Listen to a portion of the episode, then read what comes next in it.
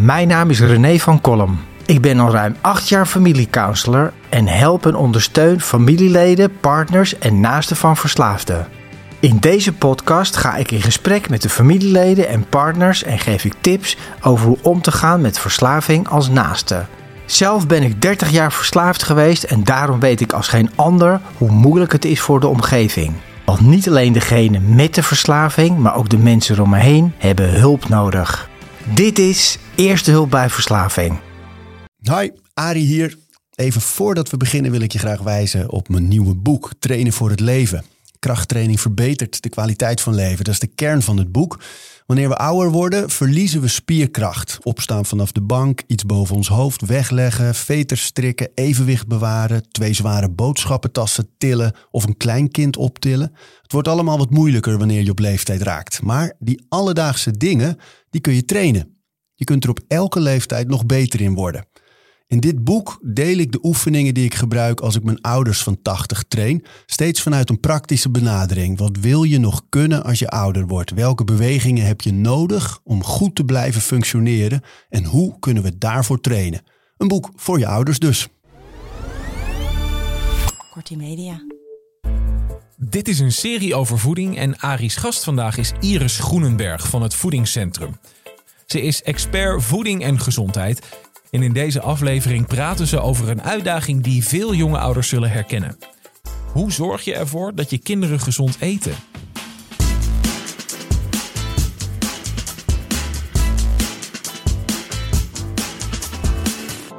Iris, laten we beginnen met de uitdaging schetsen. Want ik noem het bewust niet het probleem.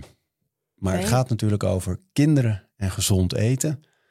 En ik moest steeds denken aan een anekdote in voorbereiding op ons gesprek. Dat was een meme op, eh, op, op de socials. En dat was iemand die zei dat, dat je dan je kinderen wil dat ze broccoli eten. was allemaal in het Engels. Dat ze begonnen, oké, just take two bites. Two bites of broccoli. Come on. All right, just, just one bite, one bite. All right, just fucking lick it. zo, zo Dat laat wel mooi de struggle zien eh, Ja, van sommige ja. ouders. Ja. Ja, want wat kom jij tegen bij het voedingscentrum op dit onderwerp? Oh, van alles. Ehm, wij hebben op zich natuurlijk niet heel veel direct contact met ouders, maar wel via zorgverleners. Dus wij eh, geven bijvoorbeeld scholingen aan eh, JGZ-professionals, dus mensen uit het consultatiebureau. Ja, die zien natuurlijk van alles voorbij komen. De belangrijkste dingen daaruit proberen we al eh, te, te pakken en te vertalen in mooie voorlichtingsmaterialen die zij weer kunnen gebruiken. Wat zijn die belangrijkste dingen? Eh, nou ja, eigenlijk is dat best wel eh, basic. Van ja, wat is eigenlijk een gezond ontbijt? Wat voor tussendoortjes kan ik geven aan mijn kind? Wat geef ik ze eigenlijk te drinken? Dat komt heel erg vaak terug. Er zijn toch veel vragen over. Ehm, je ziet dat toch veel mensen in verwarring zijn soms, omdat aan alle kanten komt voedingsinformatie je kant op van allerlei verschillende bronnen. En soms is het best wel moeilijk om dan als ouder te kunnen kijken: oké, maar wat, wat geef ik nou concreet aan mijn kind dan? Dus nou ja, dat zijn hele reële struggles en wij proberen daar zo helder mogelijk over te communiceren. En uiteindelijk kunnen ouders dan zelf kiezen wat ze aan hun kind geven. Eh, zij kennen hun kind het best natuurlijk. Wat ik altijd mooi vind aan het voedingscentrum is dat je soms, als je zo diep in de, in de wetenschap en de, in de onderzoeken en alles wat als eerste uitkomt, meteen opzoekt, dan lijkt het soms of het voedingscentrum eh, nou, een tikje soms achterloopt. Maar in wezen is dat juist heel veilig. Jullie gaan echt altijd pas publiceren en in campagnes doorvoeren als er meerdere wetenschappelijke onderzoeken, als er echt eenduidig wordt gezegd, dit is de weg. Eh, we hebben het altijd zo gedaan, maar dit is eigenlijk verstandiger. Het is een hele veilige koers, hè? Ja, klopt. gericht op de massa. Ja, wij zien het eigenlijk, die, ehm, want we horen dat natuurlijk ook wel eens terug hè, vanuit het voedingscentrum. Doe eens wat aan je adviezen, ze zijn verouderd. Ehm, maar veel zie je ook niet. Ehm, wij varen heel erg op de richtlijnen van de Gezondheidsraad. En wat de Gezondheidsraad doet, is eens in de zoveel tijd kijken... oké, wat voor wetenschap is er op een bepaald terrein allemaal bijgekomen... En ehm, nou ja, veranderen onze adviezen. Die vatten dat mooi samen in, eh, in richtlijnen. En die richtlijnen, die zetten wij weer door in de concrete adviezen en tips voor consumenten. Dus onze schijf van vijf is voor het laatst eh, helemaal in een nieuw jasje gestoken in 2016. Maar dat wil natuurlijk niet zeggen dat die sinds 2016 helemaal niet meer is veranderd. Eh, vorig jaar nog bijvoorbeeld kwam de Gezondheidsraad met nieuwe adviezen voor zwangere vrouwen. Die zijn allemaal in onze adviezen doorvertaald. Uh, maar dan gaan we niet het, jasje aanpassen. Dat blijft hetzelfde. Maar de adviezen zijn up-to-date. Um, wat we inderdaad niet doen, is bij elk nieuw onderzoek uh, dat directe adviezen vertalen. Want wat er dan zou gebeuren is dat de ene dag adviseren we dit, de andere dag dat. Ja, daar word je heel erg uh, wispelturig van. En dan weten mensen helemaal niet meer waar ze aan toe zijn. Nee, dat merk je zelfs al bij ons hier in de podcast. Dat omdat we natuurlijk allerlei specialisten of wetenschappers uitnodigen die over één ding heel goed ingevoerd zijn. En als je bijvoorbeeld, dan kan het dus gebeuren dat we iemand hebben die volledig op de plantaardige tour is. Uh, helemaal wetenschappelijk onderbouwd waarom dat gezond is en goed. Maar dan een paar afleveringen later komt iemand langs met een uh, ketogeen dieet, uh, ook wetenschappelijk onderbouwd. En dat maakt het soms voor luisteraars inderdaad ook wel verwarrend dat ze denken, ja, maar ik, ik wil zo graag één richting. En, en dat, die richting is eigenlijk het voedingscentrum vaak. Ja, zo kun je het wel zien. Want um, inderdaad, iedereen heeft vaak, uh, of wetenschappers hebben vaak een uh, specialisatieterrein. Weten heel veel af van iets, maar kijken ook naar een bepaald aspect. Bijvoorbeeld naar duurzaamheid of gezondheid of voedselveiligheid, want dat heeft natuurlijk ook nog heel veel ermee te maken. En wat wij doen in onze adviezen is die dingen combineren. Dus uh, de schijf van vijf is gezond eten, maar ook beter voor de planeet en ook veilig eten. Dus dat proberen we in onze adviezen zoveel mogelijk te integreren. Gaat niet altijd. Duurzaam en gezond gaan vaak hand in hand, maar niet altijd. Dus daar moeten we soms afwegingen in maken. En juist die uh, onderwerpen zie je dat er ook veel discussie over is in de maatschappij. En dat is alleen maar heel erg goed. En leuk ook, vind ik. En, uh, en ook iets wat heel erg aan het ontwikkelen is. Mensen zijn heel erg bezig met, um, met de planeet. Hoe houden we hem leefbaar? We gaan het natuurlijk zo over kinderen hebben. En uh, ja, je ziet zeker bij kinderen, naarmate ze wat ouder worden, dat dat ook iets is wat heel erg, uh, wat ze heel erg bezighoudt. Hoe oud zijn die van jou? Uh, die van mij zijn net 11 en 9 en de jongste wordt met kerst 6. Oei, ja. Bij ons is de oudste 6 en een van 4 en 2. Dus ja. we kunnen ervaringen uitwisselen. Ja, zeker. Dan kan ik je vast voorbereiden op wat er komt. ja. ja, het lijkt me mooi om, om even vanuit die uitdagingen. Wat is nou precies een gezond ontbijt? Uh, wat zijn de tussendoortjes die je wel kunt nemen? Hoe zit het met toetjes? Wat is drinken wat geschikt is? En vooral de tips en tricks ook van als we dan weten wat gezond is hoe zorgen we ervoor dat kinderen het ook echt gaan eten en drinken? Mm -hmm. Die twee dingen zou ik met je willen bespreken. Ja, leuk. Ja, zullen we gewoon bij het ontbijt beginnen? ja, laten we doen. Wat heb jij gegeten? Of jouw kinderen? Uh, mijn kinderen hebben vanmorgen gegeten. Ik begin eigenlijk altijd met een, een bordje met uh, vers fruit. Uh, vanmorgen waren dat blauwe bessen, een paar stukjes appel, mandarijn en wat banaan. Um, als ze dat op hebben, dan komt wat, wat zij zelf het tweede ontbijt noemen uh, erachteraan. En dat was bij, dan laat ik ze ook zelf een beetje kiezen. Dus mijn dochter die wilde heel graag een bolletje met uh, grillworst in de ochtend. Um, mijn zoon wilde graag een eierkoek. Die, die is bij het ontbijt altijd wat licht. En uh, de jongste bij ons kreeg um, biologische cornflakes met volle melk. Oh ja. Dat was uh, wat de kinderen vanmorgen hadden. En dan hebben ze altijd eerst wa wat water gedronken. En in de winter geef ik ze een lepel met uh, uh, multivitamine speciaal voor kinderen. En mogen ze bij jou dan uit alles kiezen of geef je ze een bepaalde keuzemogelijkheden, zeg maar? Opties? Ja, kijk, eerlijk gezegd, nu was het vakantie. Um, dus dan nemen we iets meer de tijd. In de, in de ochtenden dat we naar school, dat ze naar school gaan, dan laat ik ze iets minder kiezen. Maar dan zeg ik bijvoorbeeld wel, willen jullie uh, pannenkoeken of uh, brood? Ja, precies. Dus je geeft wel keuze binnen bepaalde ja, kaders. ja. Als de ene, dus ik heb bolletjes vandaag uh, bij de bakker gehaald. wil je jam of ja. kaas, grillworst, wat dan ook. Dat, dat zijn de keuzes. Dus ik zeg niet, nou, wat willen jullie eten, eten vandaag? En ik zeg ook wel eens, ik heb laatst bijvoorbeeld een heel lekker recept gevonden voor uh, bananenpannenkoekjes. Gewoon alleen maar uh, havermout, uh, 250 milliliter geloof ik. Um, uh, banaan en ei. En ja. dat is het enige. Die klop ik op. en dan, ja, lekkere dikke fijne pannenkoekjes. En dan zeg ik wel, vandaag maak ik pannenkoekjes. Of oh, als ja, ik ja. wat oud brood heb, dan zeg ik, vandaag maak ik wentelteefjes. Dan is er eigenlijk geen keuze. Dan kunnen ze alleen nog een beetje in dat fruit uh, kiezen. want, want waarom vraag je dat, die, van die keuze? Nou, ik, ja, dat vind ik wel interessant. Want dat is denk ik wel um, een soort beginsel bij de eetopvoeding van uh, zeker naarmate je kinderen ouder wordt, worden, um, kun je ze inderdaad keuzevrijheid geven. Dat vinden kinderen heel erg fijn, want ze hebben natuurlijk vrij weinig controle. Zeker als ze klein zijn. Ze worden gewoon overal mee naartoe gesleept en uh, ja, ze, ze krijgen voor ze gezet. En dat is ook prima. Hè? Als ze jong zijn, dan bepaal jij gewoon wat er op tafel komt en dat kind bepaalt hoeveel die ervan eet. Maar naarmate ze groter worden, kun je ze echt wel daar meer uh, keuzes in laten. Maar als ouder kun jij nog steeds bepalen: oké, dit vind ik belangrijke product en daarbinnen kun je kiezen. Dus, um, dus dat is denk ik eigenlijk wel een heel uh, belangrijk eerste aspect aan die eetopvoeding. Ja, en wat betreft het ontbijt, daar is natuurlijk van alles mogelijk. En ik vind het wel leuk dat je zegt dat je fruit geeft bij het ontbijt. Want um, ja, dat is iets waar veel mensen denk niet aan denken. En groente- en fruitinname is um, ja, niet, niet zo hoog als dat we het graag zouden willen in Nederland. Zowel bij de kinderen niet als bij de volwassenen. Je ziet bij die allerkleinste kinderen, die doen het nog eigenlijk best wel goed. Maar naarmate kinderen ouder worden, gaan ze eigenlijk steeds minder fruit eten. Komt dat? Ja, ik denk dat dat ermee te maken heeft dat um, vaak beginnen ouders met een eerste hapje met fruit. En uh, zij is ook heel bewust bezig van een fruitmomentje en dan krijgt zo'n kind fruit.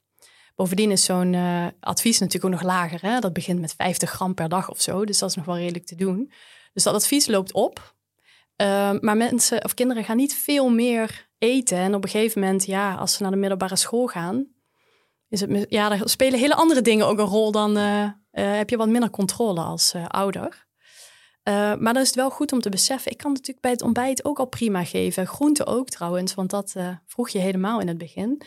Um, groenten kunnen ook prima op brood, kunnen ook bij de lunch, kunnen tussendoor. En als je het over al die maaltijdmomenten verspreidt, ja, dan is het ineens helemaal niet meer zo moeilijk om aan die uh, aanbevolen dagelijkse hoeveelheid te komen. Want wat zijn een paar manieren waarop je groenten in het ontbijt kunt verwerken? Groente in het ontbijt um, is denk ik vooral in schijfjes op de boterham. Want de meeste mensen in Nederland ontbijten met bruin volkoren brood. En dat is helemaal prima, want uh, brood levert bijvoorbeeld jodium. Uh, dus als je helemaal geen brood eet, dan uh, heb je wel een risico op een jodiumtekort. Dus brood bij het ontbijt, helemaal top. en schijfjes komkommer, tomaat, paprika, radijsje, noem maar op. Dat gaat er heel lekker op. Maar als je gewend bent uh, iets warms te ontbijten, een roerei of zo, dan kun je daar ook wat restjes groenten van de vorige dag in verwerken. In een hartige pannenkoek kan het ook. Oh ja, wij maken ook thuis spinaziepannenkoeken. Oh ja, ja. Dus die zijn ook nog eens groen. Ja, tof. Eigenlijk gewoon pannenkoekenmix of meel, hoe je het als je het zelf maakt, dan net zo goed. En dan gooi je gewoon een paar flinke handen spinazie doorheen ja. in de mixer. Dan krijg je een soort groen beslag, maar dat vinden ze fantastisch. Ze zijn lekker ook. Ja, en dat kun je ook met andere dingen doen. Als je het met bieten doet, krijg je knalroze pannenkoeken. Goeie. Dus ja, dus je kunt heel erg veel variëren met kleuren. Dat is natuurlijk het toffe van groente en fruit. Ze hebben die felle kleuren, dus daar kun je leuk, echt wat mee. Zeker. Ja. ja. En daar kun je in de broodrummel natuurlijk ook van alles mee doen. Ja, ik loop natuurlijk al helemaal op de zaken vooruit nu. We zijn nog bij het ontbijt. Levend enthousiast. ja, want, want, want, nog eens een paar. Je zei, je kunt ze in schijfjes op boterhammen doen, de groenten. Um, je kan ze um, shakejes, is dat goed voor, de ontbijt, voor het ontbijt? Ja, we, we raden in principe niet zozeer aan om fruit en groenten te drinken omdat wat er dan gebeurt is, uh, je moet je voorstellen, er gaan best wel wat stukjes groente en fruit in zoiets. Hè? En dan denk je, kloek, je slikt het zo weg. Je hebt het zo... Um, er wordt niet gekoud. Er wordt niet gekoud en je lichaam heeft eigenlijk helemaal niet de tijd om te registreren dat daar toch veel calorieën binnenkomen. Vooral met fruit natuurlijk en een beetje afhankelijk van het type groente. Dus eigenlijk um, zien wij dit een beetje als een suikerhoudende drank. En daarvan weten we, ja, dat verhoogt het risico op overgewicht en diabetes. Omdat je lijf gewoon niet die calorieën opmerkt, dus het is extra, het komt erbij. En nou is er natuurlijk wel verschil tussen een uh, sapje helemaal zonder vezels, dat je echt gewoon kloek in uh, 10 seconden weg hebt, of iets heel diks wat je eigenlijk meer bijna met een lepel moet opeten. Daar zit natuurlijk wel verschil in. Ja, dat merk ik ook. Als, als ik het namelijk dikker maak, of meer banaan erin en minder amandelmelk of wat dan ook, dan um, kan ik het ook als smoothie bol gebruiken. Ja, dat je het dus meer lepelt. Erop. Ja, ja. Ja. ja, dus dat is wel het advies van maak. Als je dat doet, maak hem dan zo dik dat je met een lepel kan eten. Want dan gaat het veel langzamer. En dan heeft je lijf wel de tijd om te registreren dat er van, van alles binnenkomt. Ja, en dan is er meteen ook die grote misvatting over jus d'orange uh, besproken ja. eigenlijk. Hè? Dat, dat is gewoon een suikerbom, toch? Ja, ja absoluut. Ja, en zeker die pakken uit, uh, uit de supermarkt. Ja, daar zit ook gewoon veel minder in qua vezels en vitamines. En wel gewoon heel veel suikers. Uh, ja, je kunt het je ook heel goed voorstellen als je twee sinaasappels moet bellen, die witte vliebertjes er nog af, en je moet het eten. Nou, dat, is, dat duurt best wel lang. En dan zit je ook best wel gewoon goed vol. Terwijl een glas sap geperst van twee sinaasappels, dat is binnen 10 seconden weg. Ja. ja. Ja, wat is dat een hardnekkig uh, ding. Hè? Dat is zo geworteld in de ontbijtcultuur, dat glas jus. Dat... En dat kan natuurlijk ook best wel af en toe. Maar uh, als je het elke dag bij je ontbijt zou nemen, ja, dan is het wel goed om te realiseren dat dat toch extra calorieën zijn die erbij komen. Die je liever dan steekt in gewoon het eten van een sinaasappel. Dat je ook lekker de vezels en zo binnenkrijgt. En als we nog een stap teruggaan, hè, dus we zitten nog bij dat ontbijt, maar als we een stap teruggaan van waarom is het nou eigenlijk juist voor kinderen zo belangrijk om goed te starten met, met groente en fruit? Ja, sowieso um, raden we aan om te ontbijten. Zeker voor kinderen, omdat die natuurlijk um, zo aan het groeien zijn, zo aan het ontwikkelen zijn. Die hebben eigenlijk alle voedingsstoffen nodig die ze maar binnen kunnen krijgen. En uh, ze hebben vaak ook heel lang geslapen, hè, langer dan wij, waarin ze niks hebben gegeten of gedronken. Dus het is ook gewoon goed om even die spijsvertering op gang te krijgen, even goede energie en voedingsstoffen binnenkrijgen. En het voorkomt ook uh, trek later op de dag. Dus um, als je niet ontbijt, kun je vaak ergens gedurende de ochtend overvallen worden door zo'n hongerklop. Die kids moeten meteen s ochtends aan op school. En dan wil je gewoon dat ze energie hebben en voedingsstoffen om goed te kunnen leren. Andere dingen nog van die een, een ontbijt gezond maken? Ja, zuivel past er ook prima bij. Ik hoorde je net iets zeggen over uh, amandelmelk. Um, gewone halfvolle of magere koemelk is prima. Um, uh, niet ieder kind kan dat drinken, bijvoorbeeld omdat ze een melkallergie hebben. Uh, niet iedere ouder wil ook dat een kind koemelk drinkt. Um, dus als je kiest voor een alternatief, dan is het goed om erop te letten dat er genoeg eiwit in zit eigenlijk die amandeldrinks, die haverdrinks, dat is eigenlijk gewoon gezoet water. Ja. Er zit verder niet zoveel in. Nee, en, heel uh, veel zonnebloemolie ook vaak. Oh ja, uh, om de vetten een beetje ja, dat na je te een beetje als barista kan, kan ja, gebruiken voor ja. de cappuccino. Ja. en dat is ook prima. Zo'n scheutje in je cappuccino, dat, dat, ja, dat is niet zoveel. Maar die amandelmelk ook nog is vaak maar gewoon 1% amandel. Ja, is het is water eigenlijk gewoon. Ja. Water met, uh, met wat suikers. Ja, ik vind hem voor een shake af en toe geschikt qua smaak. Maar verder is het gewoon totaal, tenzij je die hele pure hebt. Ze zijn er wel. Ja, en je hebt ook sojadrinks natuurlijk. En sojadrinks die zijn wel, die bevatten vaak wel genoeg eiwit. En daar is ook calcium aan toegevoegd en um, uh, vitamine B12. Dus dan, ja, dan, dan bootst het wat meer die melk na eigenlijk. Dus, dus van al die melkalternatieven, haver, amandel, uh, kokos, uh, noem het allemaal maar op, is, is eigenlijk die, de sojadrank, het best aan te bevelen. Ja, op dit moment wel. Je ziet wel natuurlijk van allerlei productontwikkelingen gaande. Maar uh, dat is op dit moment wel het beste alternatief. En dan heb je daar ook gezoete en ongezoete varianten. Dus daar kun je natuurlijk ook op letten. De ongezoete. En dan is het omdat er B12 aan toegevoegd is, calcium aan toegevoegd is en meer proteïne in zit. Ja, precies. Dat zit er van zichzelf in. Want het is natuurlijk gemaakt van, uh, uh, van sojabonen. Dus een pulvrucht. En pulvruchten bevatten eiwit. Ja, en waarom is het zo belangrijk voor kinderen om eiwitten te eten in de ochtend? Uh, het is eigenlijk niet alleen in de ochtend, maar gewoon überhaupt. Ze zijn aan het groeien en eiwitten zijn een bouwstof. Dus daar kunnen ze goed van groeien. Bijna elke maaltijd erbij. Nou, twee keer per dag is voor die kleintjes echt genoeg. En uh, als ze wat ouder worden, dus negen, dan, dan ga je naar drie keer. En dan hoef je ook niet de hele sloot hoor. Zo'n klein glaasje van 150 milliliter is dan prima. Ik hoef ze geen shakes bij te nee, voeren. hoor, nee, echt niet. Um, zijn we er dan met het ontbijt? Of heb je nog wat handige tips en tricks waarvan je zegt: dit is een goede, dit werkt? Ja, wat ook nog wel goed is om te onthouden, is dat zeker de jongste kinderen vaak eigenlijk best wel relatief weinig vetten, gezonde vetten binnenkrijgen. En uh, ons advies is daarom: smeer even elke boterham in met halvarine of margarine, zo'n zachte uit een kuipje. Zachte vetten bevatten uh, meer van de onverzadigde vetzuren. En de harde vetten meer verzadigde vetzuren. Die zijn niet zo goed voor je hart en je bloedvaten. Nou zal een kind natuurlijk niet meteen ja, dat, uh, een hartinfarct of zo krijgen. Maar het zijn natuurlijk eetgewoonten die je al aanleert op de lange termijn. Dus lekker kiezen voor zachte vetten. Als je uh, dus warm eet, een beetje olie uh, in de pan. En geen harde kokosvetten. Maar dus even die vetten niet vergeten in de ochtend. Ja, deze is interessant, hè? want daar merk je echt een twee, twee kampen eigenlijk tegenover elkaar. Waar, waar ene kamp zegt van nee, je moet juist alle volle producten, volle melk, roomboter enzovoort. Maar dan moet je dus, die gaan er dan vanuit dat je ook voldoende beweegt en voldoende compenseert met andere voeding. En jullie hebben het eigenlijk altijd over juist die zachte, de margarines en de, en de halverines, hè? Ja, het is echt heel erg, um, uh, heel erg uh, hard aangetoond dat het ver vervangen van die verzadigde vetten voor onverzadigde vetten zorgt voor een lager risico op hart- en vaatziekten. Onder andere via het LDL-cholesterol. Um, wat wel heel interessant is en waar die discussie nu heel erg over gaat, is: zijn vetten in alle producten doen die hetzelfde? En uh, dan gaat de discussie bijvoorbeeld over zuivel. Um, is dat bij volle zuivel dan net zo als bij magere of halfvolle? Is dat dan hetzelfde als in vlees bijvoorbeeld? Nou ja, dat is iets dat moeten we gewoon afwachten. Daar moet goed onderzoek naar gedaan worden voordat we kunnen zeggen, daar moet iets veranderd in worden. De Gezondheidsraad monitort dat. En als daar genoeg ligt om adviezen aan te passen, ja, dan doen wij dat ook. Maar op dit moment is dat uh, effect via het LDL-cholesterol zo ja, eigenlijk wel onomstotelijk vastgezet dat dit uh, de adviezen zijn. En dat betekent niet dat je nooit volle melk kan nemen natuurlijk. Het gaat er uiteindelijk om, eet niet te veel verzadigd vet. En stel, jij bent vegetarisch, dan eet je al zoveel verzadigde vetten uit vlees niet, dat je best af en toe een glaasje volle melk kan drinken als je dat heel lekker vindt.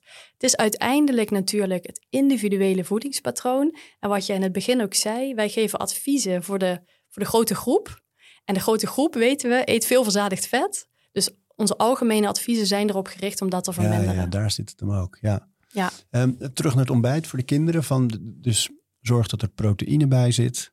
Um, een beetje vetten. Groente, fruit. Ja. Verder nog? Een volkoren graanproduct. Dus vezels. lekker vezels. En als je brood eet, lekker jodium. Er komen ook eiwitten binnen.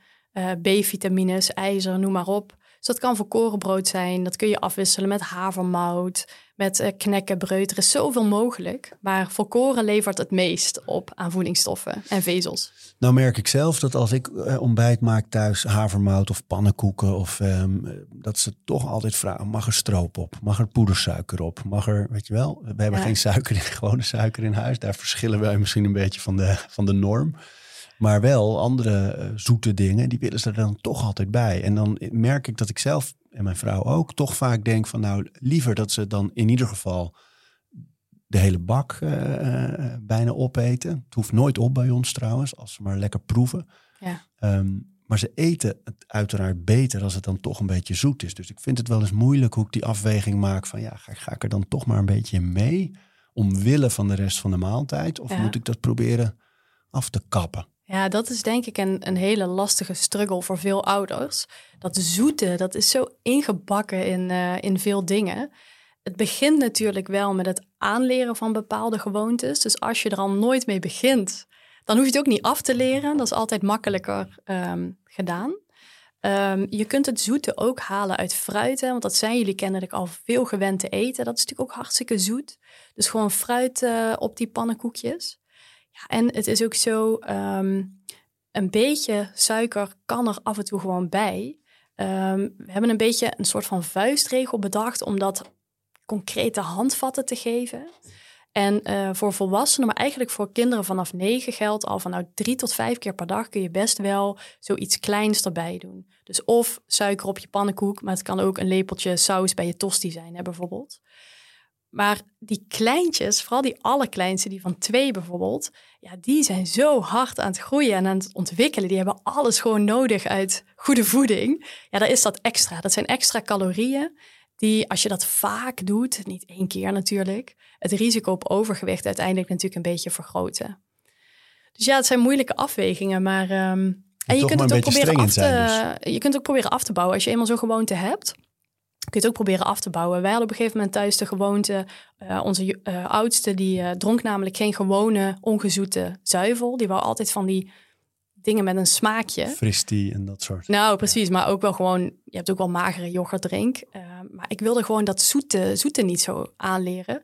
Dus toen hebben we dat op een gegeven moment half om half met gewone zuivel in flessen gedaan. merkte die niks van. Steeds die verhouding een beetje aangepast.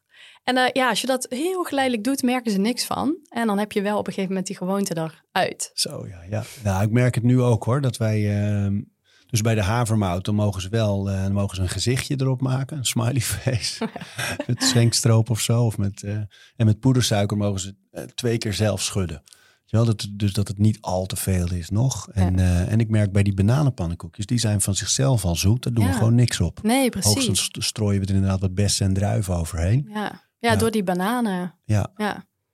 Hey, en stel nou dat, dat een kind gewoon uh, langzaam op gang komt hè, op de dag.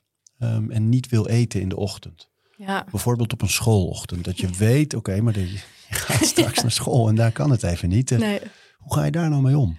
Ja, ja, ik heb er ook zo een. Die is er niet voor uit te branden. Dan kun je ook blijven zeggen, kom, je moet een beetje door, want we moeten daar weg. Onze school start ook heel vroeg, s ochtends, vijf over acht. Zo, ja. ja. Um, wat dan heel erg kan helpen, is dat je een heleboel al voorbereidt de avond van tevoren. Je uh, dekt de tafel al. Uh, je kunt broodtrommels al klaarmaken de, uh, de vorige avond.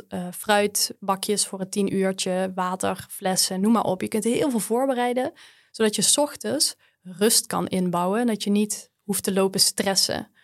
Um, wij proberen ook soms de kinderen dan maar ietsje eerder wakker te maken, dat ze even wel rustig kunnen opstarten dan dat je meteen al moet gaan zeggen, ja, nu eten, want we moeten zo weg.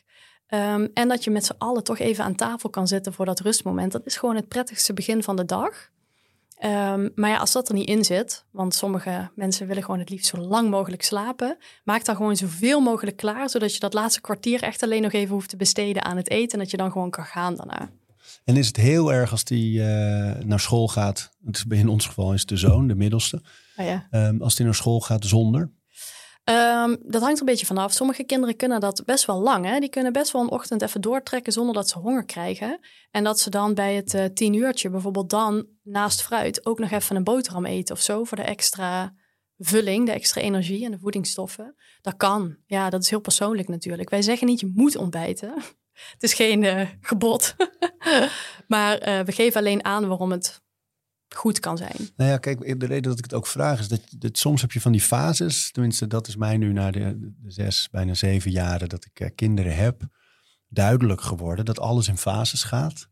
En dan is er wel eens echt een periode van maanden soms, dat, dat je echt je denkt, je, je leeft van de lucht. Dat ja. kan niet. Ja. Bijvoorbeeld als tandjes komen, willen ze gewoon niks meer eten, willen ze alleen nog drinken. Ja. En ik weet bij mijn dochter, de eerste, uh, maakten wij ons toen heel erg zorgen. Dat je de huisarts gaat bellen en uh, overal informatie inwinnen. Ook bij andere ouders, bij mijn ouders. Ja. Um, omdat ik me heel erg zorgen maakte. Later dacht ik, oh ja, nee, kennelijk is dat dan zo. En merk ik ook niet verder in de ontwikkeling of de groei dat het ook maar een beetje stagneert. Nee. Maar wel heel moeilijk om het toe te staan. En, en ja. ik heb dan toch de neiging om altijd maar, nou, zoals bij mij vroeger ging, neus dicht. Lepel naar binnen. Um, dat doe ik niet nu. Dat vind ik niet meer bij deze tijd passen. Maar je onderdrukt de neiging. En nou, ik nog vanuit bezorgdheid gewoon. Ja. Van, is het erg dat een kind zo'n fase van een paar maanden echt voor je gevoel bijna helemaal niks eet? Nou ja, die, die, um, die fase van groei, dat gaat sowieso heel erg met pieken en dalen. Dat, Ja. dat merkt denk ik elke ouder. Soms is het eten niet aan te slepen. En op andere momenten denk je inderdaad, ze leven van de lucht. Uh, en dat is, dat is normaal en dat hoort erbij. En je kind, daar kun je echt op vertrouwen. Want die hebben heel, een heel goed honger- en verzadigingsgevoel. Dus dat ze heel goed voelen of ze honger hebben of vol zitten.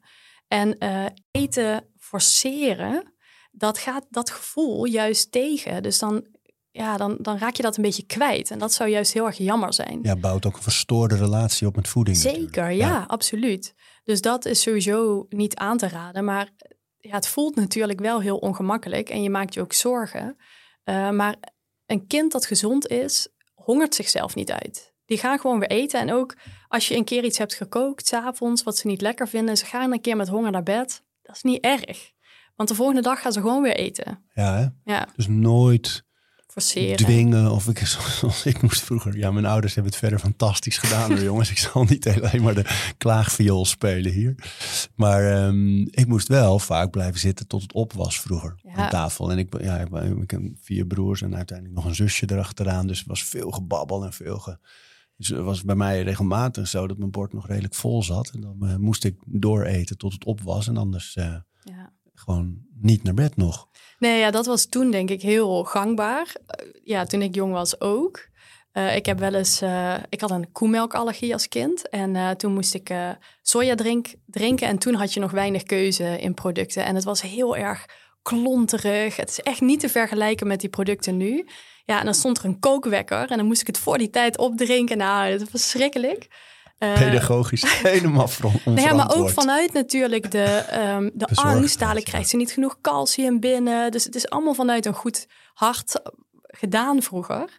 Maar nu zijn de inzichten inderdaad wel veranderd. En um, moet je niet forceren om een bord op te eten. Dan ga je dat honger- en verzadigingsgevoel verstoren. En ook dat een denkt, oh, dat is dus ja, niet lekker, het moet. Eh, allemaal vanuit de verkeerde redenen. Dus probeer die sfeer gezellig te houden aan tafel. Uh, zeg af en toe dat ze een hapje proeven. Besteed er verder niet te veel aandacht aan. Dan gaan ze meestal vanzelf al wel proeven. Ja, en denk ook wel iets wat uh, misschien vanuit vroeger uh, nog veel gedaan werd. Het toetje als een beloning of als een straf inzetten. Dus als jij je bordje op hebt gegeten, krijgen we een lekker toetje. Wat is het signaal dat je daarmee afgeeft? Ja, dit is vies. Maar als je het hebt gegeten, krijg je een beloning, namelijk iets lekkers. En iets lekkers is in onze maatschappij vaak iets zoets. Um, en andersom, dus als straf, als je bordje niet leeg hebt gegeten, krijg je geen toetje. Dus ook al heeft je kind niet goed gegeten en toetje is een onderdeel, vast onderdeel van je warme maaltijd, geef gewoon dat toetje. Zo, dan zitten we eigenlijk al bij het avondeten. Hè? Ja, dus, we hebben van alles overgeslagen. vooruitlopen, jongens. nee, maar het ontbijt hebben we voldoende, denk ik, behandeld. Hè, zo. Denk ik ook. Ja. En dan, je hebt het steeds over het tien uurtje voor mensen die geen uh, kleine kinderen hebben, die naar school gaan. Dat is wat je ook meegeeft, want op de basisscholen tegenwoordig doen ze om tien uur even een korte pauze om fruit te eten vooral. En eventueel wat groenten. Ja. Het tien uurtje, zo wordt het ook echt gewoon in de communicatie van school genoemd. Ja. um, daarvan denk ik ook wel eens, kijk, ik, ik heb het gevoel dat een van de grote verschillen met deze tijd en 20, 30, 100 jaar geleden is dat we op zoveel momenten van de dag ineens eten. In plaats van drie keer. Mhm. Zoals het altijd geweest is. Ja. Um, en zoals in de meeste gevallen ook gewoon voldoende zou moeten en kunnen zijn. En ja. Is zo'n tien uurtje niet een beetje ook een, een soort in stand houden van die eetcultuur, die overconsumptie? Ja, ik vind wel dat er een groot verschil is tussen de hele dag door eten of je kind uh, s ochtends en smiddags een tussendoortje geven. Dat kan er prima bij en dat uh, is ook niet uh, schadelijk voor de tanden bijvoorbeeld. Als je de hele dag door eet, de hele dag zuuraanval op je tanden, ja, dat is echt niet best voor je gebit. maar een keertje tussendoortje en een keer tussendoor smiddags, s ochtends en smiddags, dat is prima. En wat ik veel hoor, is dat de lunch op school, daar is niet zo heel veel tijd voor. Nee. Dus uh, die kids moeten dan in een half uur of drie kwartier eten, jassen aan, buiten spelen, nou noem maar op. Ik krijg regelmatig halfvolle broodtrommels terug, omdat ze zeggen, ja, vandaag was er geen tijd. Ja, dan heb je dat ochtendfruithapje uh, echt wel nodig om je schooldag door te komen. Dus ik vind dat eigenlijk prima. En um, ik vind het ook heel mooi dat er veel aandacht voor is tegenwoordig dat uh, dat fruit is of groente. Uh, met een fles water erbij vaak. Ja, want als je eens een keer uh, pepernoten of chips meegeeft, omdat die toevallig nog over zijn van het weekend of wat dan ook, dan uh, mogen, ze, mogen ze het gewoon niet op. Die komen nee. gewoon terug hoor. Ja, en dat is nog best wel eigenlijk kort dat dat gaande is. Want toen mijn oudste naar school ging, uh, ja, dat is dus acht jaar geleden. Toen uh, namen kinderen vaak grote koeken mee. En dat, was, uh, dat wilden ze toen al niet. Maar dat werd nog wel gedoogd. nu word je er echt op aangesproken, inderdaad, als je zoiets meegeeft. En terecht ook, vind ja, ik. Ja. ja, en daar zeg je iets, hè, van die, dat die lunch dan in een half uurtje, soms is drie kwartier genuttigd. Dat is ook een, eigenlijk een gek signaal, hè, van eten moet gehaast. Zorg dat het snel weg is, want dan kun je gaan spelen. Ja. Dat is eigenlijk helemaal niet positief natuurlijk. Nee, ja, het liefste zie je natuurlijk dat als een uh, moment waarop ze uh, gezellig samen gaan eten, een beetje kletsen ondertussen. Uh, en ik snap natuurlijk heel goed dat dat niet per se ligt bij de juffen en meesters, want die moeten zoveel in ja. dat programma stoppen op een dag. En dat moet ook allemaal georganiseerd worden met tussenschoolse opvang. Dus ja, dat snap ik helemaal. Maar ja, idealiter maak je daar een, een gezellig moment van, een rustig moment. En combineer je dat eventueel ook al met een educatief element. Ja, dat doen ze het volgens mij in Frankrijk. Waar Ja, natuurlijk eten echt landen. deel van de cultuur Ja. is. En een, een belangrijk deel van de cultuur. Waar ze dat, dat benadrukken. Van dat ze erover praten van wat heb jij, wat heb ik, hoe smaakt het, hoe ruikt het. Precies. Ja, en misschien sommige scholen hebben ook een moestuintje. Daar gaan ze in werken, eten ze op. Superleuk. hè? Ja, en je ziet nu ook steeds meer initiatieven voor een schoollunch komen. Waarbij er bijvoorbeeld in buffetstijl van allerlei gezonde dingen klaarstaan. Waar kinderen uit kunnen kiezen. Ja, dat, dat kunnen ze natuurlijk ook helpen om dat klaar te zetten. Groenten snijden, noem maar op. Ja, dat zou ik heel mooi vinden als het daar naartoe, ja, daar naartoe gaat. Eh daar, ja, komt ook geld voor hè, als het goed is. Dus eh, ja, wij hebben ook eh, als voedingscentrum daar wel ja, adviezen voor op onze website gezet. Van nou, als je het doet, doe het dan meteen goed. Ehm, want wat bijvoorbeeld op middelbare scholen is gebeurd, als je het vrijlaat, dan kunnen er ook allerlei commerciële partijen op inspringen en krijg het dan maar eens je school uit. Ja. Je wil het eigenlijk Kip meteen goed neerzetten. hamburgers, frikadellen. En die zitten meestal denk ik niet in school, Curly maar wel fries. ernaast. ja. ja, dus dat wil je gewoon meteen goed eh, doen. ja, joh. ja. Nog, nog, toch nog één ding over het ontbijt even. eh, nu we daar nog omheen cirkelen. Van wat zijn de, de grote fouten die gemaakt worden? Nou ja, ik denk niet dat er grote fouten gemaakt worden. Ik bedoel, je moet zoveel keuzes maken op een dag. En eh, het zijn waarschijnlijk gewoon gewoontes die je misschien van vroeger uit al mee hebt gekregen. Die zijn niet fout, maar daar eh, kun je bijvoorbeeld wel stappen in maken richting gezonder. Dat is heel lief hè, wat je nu zegt. We tikken hier geen ouders op de vingers, joh. Nee, maar ja, iedereen heeft toch zoveel keuzes te maken. Ja, ik zie dat niet als goed of fout, maar ik zie dat als waar, waar valt winst te behalen. In kleine stappen, want Heel positief. ja, Dus laten we... laten we daarop houden. Ja, nee, nee, nee, want, nee, want ik, ik, ik zie bijvoorbeeld... eh, ehm, als je bij de, de ontbijtgranen staat hè, in, de, in de supermarkt... dan heb je de, de, de, ongezoete dingen natuurlijk. Ehm, maar je hebt ook nee, die echte Amerikaanse ontbijtcereals... waar heel veel suiker op zit. Ja. Cornflakes, frosted flakes bijvoorbeeld. Of eh, weet je, dat is gewoon... Nou, meer suiker kan bijna niet. En het is wel een ontbijtproduct. Ik Ja. kan me voorstellen dat veel ouders daar toch voor vallen. Omdat ze denken, ja, dan eten ze tenminste lekker door. Ja. Ja, en dan eh, staat er nog op dat pak eh, met allerlei toegevoegde vitamines en mineralen. Dus dan heb je misschien nog het gevoel dat je top bezig bent. Ja, dus dat, eh, daar zijn natuurlijk talloze stappen in te zetten. Naar gewoon volkoren granen, naar havermout, naar muesli met een beetje gewoon gedroogd fruit erin, noten erin. We hebben een tijdje gehad eh, dat de kinderen ook even een beetje klaar waren met brood. Dus dan hadden we een 's ochtends een soort eh yoghurtbuffetje. Dus ze hadden yoghurt. En dan had ik allemaal bakjes op tafel met verschillende granen, met nootjes, met stukjes fruit, met ja, zeg maar gedroogd fruit en vers fruit. En dan konden ze zo een beetje van alles erop doen. Dat werkt een tijdje heel erg goed. Vonden ze dat leuk? Ja? Heel leuk, ja. Een paar maanden wat je zegt en dan eh, niet meer. dus ja, dat, die ontbijtgraan is een ding. Het zoete broodbeleg is echt een ding. Echt Nederlands, hè. Jam, appelstroop, chocopasta, hagelslag.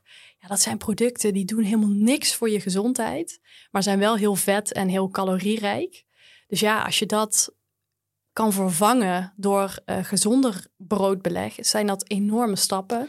En stel dat je daar al zit hè, als ouder. Dus dat je al de weg ingeslagen bent van ik wil gewoon dat ze dat, dat brood op hebben. Dus ik doe er duo panotti op. En dat je daar al zit en je wil het nu aanpassen. Hoe doe je dat? Ja, er zijn verschillende manieren voor. Je kunt bijvoorbeeld eh, aan portiegrootte mindering denken. Dus eerst een dikke laag. Dat ga je langzaam dunner maken. Eh, en op een gegeven moment een dubbele boterham met nog maar één dun laagje. Dat is een stap, dan krijg je al veel minder binnen natuurlijk. En als je de stap wil maken naar een gezonder product, dan kun je met je kind naar de supermarkt gaan bijvoorbeeld en aangeven: we gaan nu voor gezond broodbeleg kiezen. Je laat ze zien wat dat allemaal is en dan laat je ze kiezen. Dus eh 100% pindakaas bijvoorbeeld is echt prima eh, keuze. Maar je kunt ook heel veel met groenten en fruit. Kun je natuurlijk ook zo'n buffetje van maken. En als je daar geen tijd voor hebt, dan eh, doe je gewoon eh, één eh, soort. Dat is ook prima. Ehm, ja, dus dat zou je kunnen doen. Maar doe het in kleine stappen. Want als je eh, nu ontbijt met wit brood, met dikke lagen chocopasta, met eh, die gezoete ontbijtgranen, met zoete drankjes erbij. En je gaat alles in één keer aanpassen. Ja, dan krijg je je kinderen denk ik echt niet mee. Dus je kunt beter één dingetje tegelijk uh, aanpassen. En dat kun je ook overleggen met je kinderen. Het leuke is, hoe ouder ze worden, hoe meer je met ze kunt overleggen. En hoe meer je dus samen je afspraken vorm kan geven eigenlijk. Ja, dat is echt zo. Hè? Hoe meer verantwoordelijkheid je ze ook geeft. Mijn, uh, mijn oudste dochter had op school leren koken. Zes. En die had een pasta salade leren maken met avocado, tomaat, mozzarella en spekjes. Oh ja. En vindt ze zo leuk om te maken. En terwijl zij is helemaal geen pasta eter, normaal, als wij uh, bolognese of wat dan ook hebben. Uh, maar deze heeft ze zelf gemaakt. Nou, twee borden gewoon. Ja. En ook aan de broer en de zus. En proef maar lekker. hey, kijk eens. Ja, leuk hè? Ja. Ja, je kunt kinderen zo enthousiast krijgen. Er is eigenlijk geen kind dat het niet leuk vindt om iets te helpen in de keuken. En daar kun je al heel jong mee beginnen. eh, met een beetje kruiden strooien of eh, Ja. weet ik veel. Ja. En als ze ouder worden, dan kunnen ze echt op een gegeven moment zelf maaltijden maken. En dan zijn ze trots. En dan eten ze er ook goed van. Ja, en ze weten ook hoe het moet. En dat zijn natuurlijk belangrijke vaardigheden voor als ze ouder worden. Ik denk ook dat dat een van de leukste tips is voor ouders. Eh, Waar wij zelf ook echt veel aan gehad hebben, is dat je bent soms geneigd van nee, laat mij nou maar even, want er is misschien een tijdsdruk. Ik doe het wel even. Maar op het moment dat ze vragen of ze mogen helpen, altijd ja. Ja, Ook al gaat het langer duren, ook al wordt het een puinhoop, maar altijd ja, betrek ze, laat ze meedoen. ja. Want ze raken zoveel meer betrokken bij het eten en bij, Ja. bij dingen maken en ruiken en proeven. Is echt een hele belangrijke. Hè? Ja, en heel leuk. Ja, Want als je dan zelf ook. ook. even... Ja, precies. Als je zelf even uit die stressmodus gaat... dan, ja, dan heb je echt een fijn moment met je kind.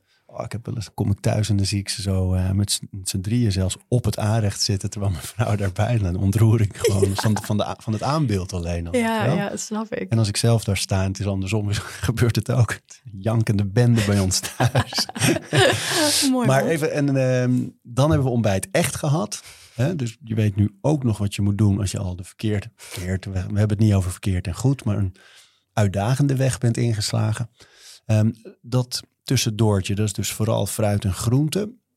Zit er nog veel verschil in types daar? Soorten fruit, soorten groente? Nee, dat maakt helemaal niet uit. Juist het variëren is goed. Eh, er is niet een eh superfruit of een supergroente. Dat wil de media je ook nog wel eens eh, laten geloven. Van je moet blauwe bessen, want nou, je leeft voor altijd. Ja, dat is natuurlijk niet zo. Variatie. variatie, want ze zijn net weer anders qua samenstelling allemaal. Dus juist door te variëren krijg je alles binnen uit groente en fruit wat je eruit kan halen. Ehm, dus ja, nee, maakt niet uit. Variëren. En even voor nog, eh, om toch even duidelijk te schetsen. Alles wat je eruit kunt halen, dan hebben we het over vitamine, mineralen, vezels, Ja, en wat we nog niet weten. Ja, we weten dat groente en fruit gezond zijn. We weten ook een aantal stoffen die erin zitten. Maar we weten ook niet alles. Dus we weten gewoon het is goed. Maar we hoeven dat niet per se op stofjesniveau vast te stellen. Nog weten niet. gewoon. Nee. Nee. ja, nee. Nou ja, ik denk nooit niet. Ik denk niet dat we ooit eh, onze voeding gaan vervangen door een pil. Stel dat we alles ontdekken wat er in voeding zit en je kunt het in een pil stoppen. Voeding blijft ook iets sociaals. Ja. En iets gezelligs en leuk en ontroerends. Dus Ja, nee, het gaat heel erg over proeven en emoties. En tegelijkertijd is er natuurlijk wel een soort weg ingeslagen van efficiëntsdenken, waarbij je zeker kunt voorstellen dat er in ieder geval Elon Musk-achtige mensen zijn die denken, hé, ja, maar dat pilletje dat scheelt mij drie kwartier op de dag aan eettijd. Die kan ik weer ergens anders aan besteden. En ik heb alles binnen wat ik nodig heb. ja, Ik denk dat er wel een markt voor zou zijn. nou, je hebt ze nu al. Ze hangen in eh, die abris. Hè? Daar hangt een eh, flesje en er staat op, dit Oh ja. is eten of zo. Ja, Ja, Denk, ja, dat is geen eten. Nee, maar daar, eh, de pijlen zijn ook wel geschoten op, Ja, op dit fenomeen. Ja. En is- Gelukkig. Ook trouwens in sport en gezondheid is vaak een, is een, vaak een tip. Haal je calorieën nooit uit drank. Nee. Dus uit dranken bedoel ik dan. Ja. Sowieso niet uit alcohol misschien.